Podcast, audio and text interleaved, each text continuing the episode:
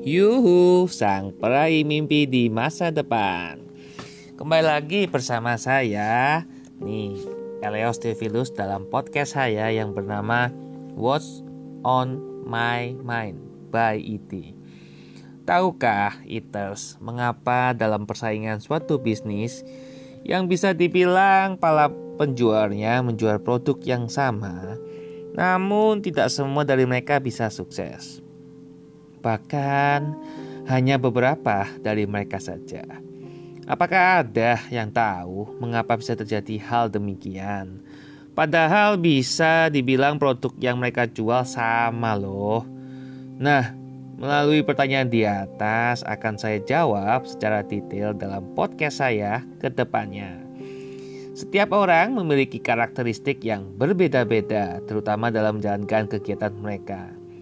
Pola mereka berjualan dan berpromosi pun bisa berbeda loh eaters. Nah, hal tersebutlah yang bisa menimbulkan perbedaan antar penjual satu dengan yang lain.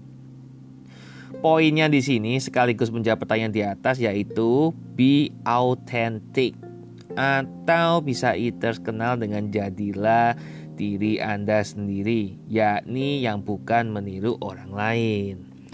Sekarang adalah waktu yang tepat untuk iter sekalian mulai berpikir bagaimana visi dan misi yang ingin dicapai dalam dunia bisnis, baik sebagai karyawan atau sebagai pengusaha.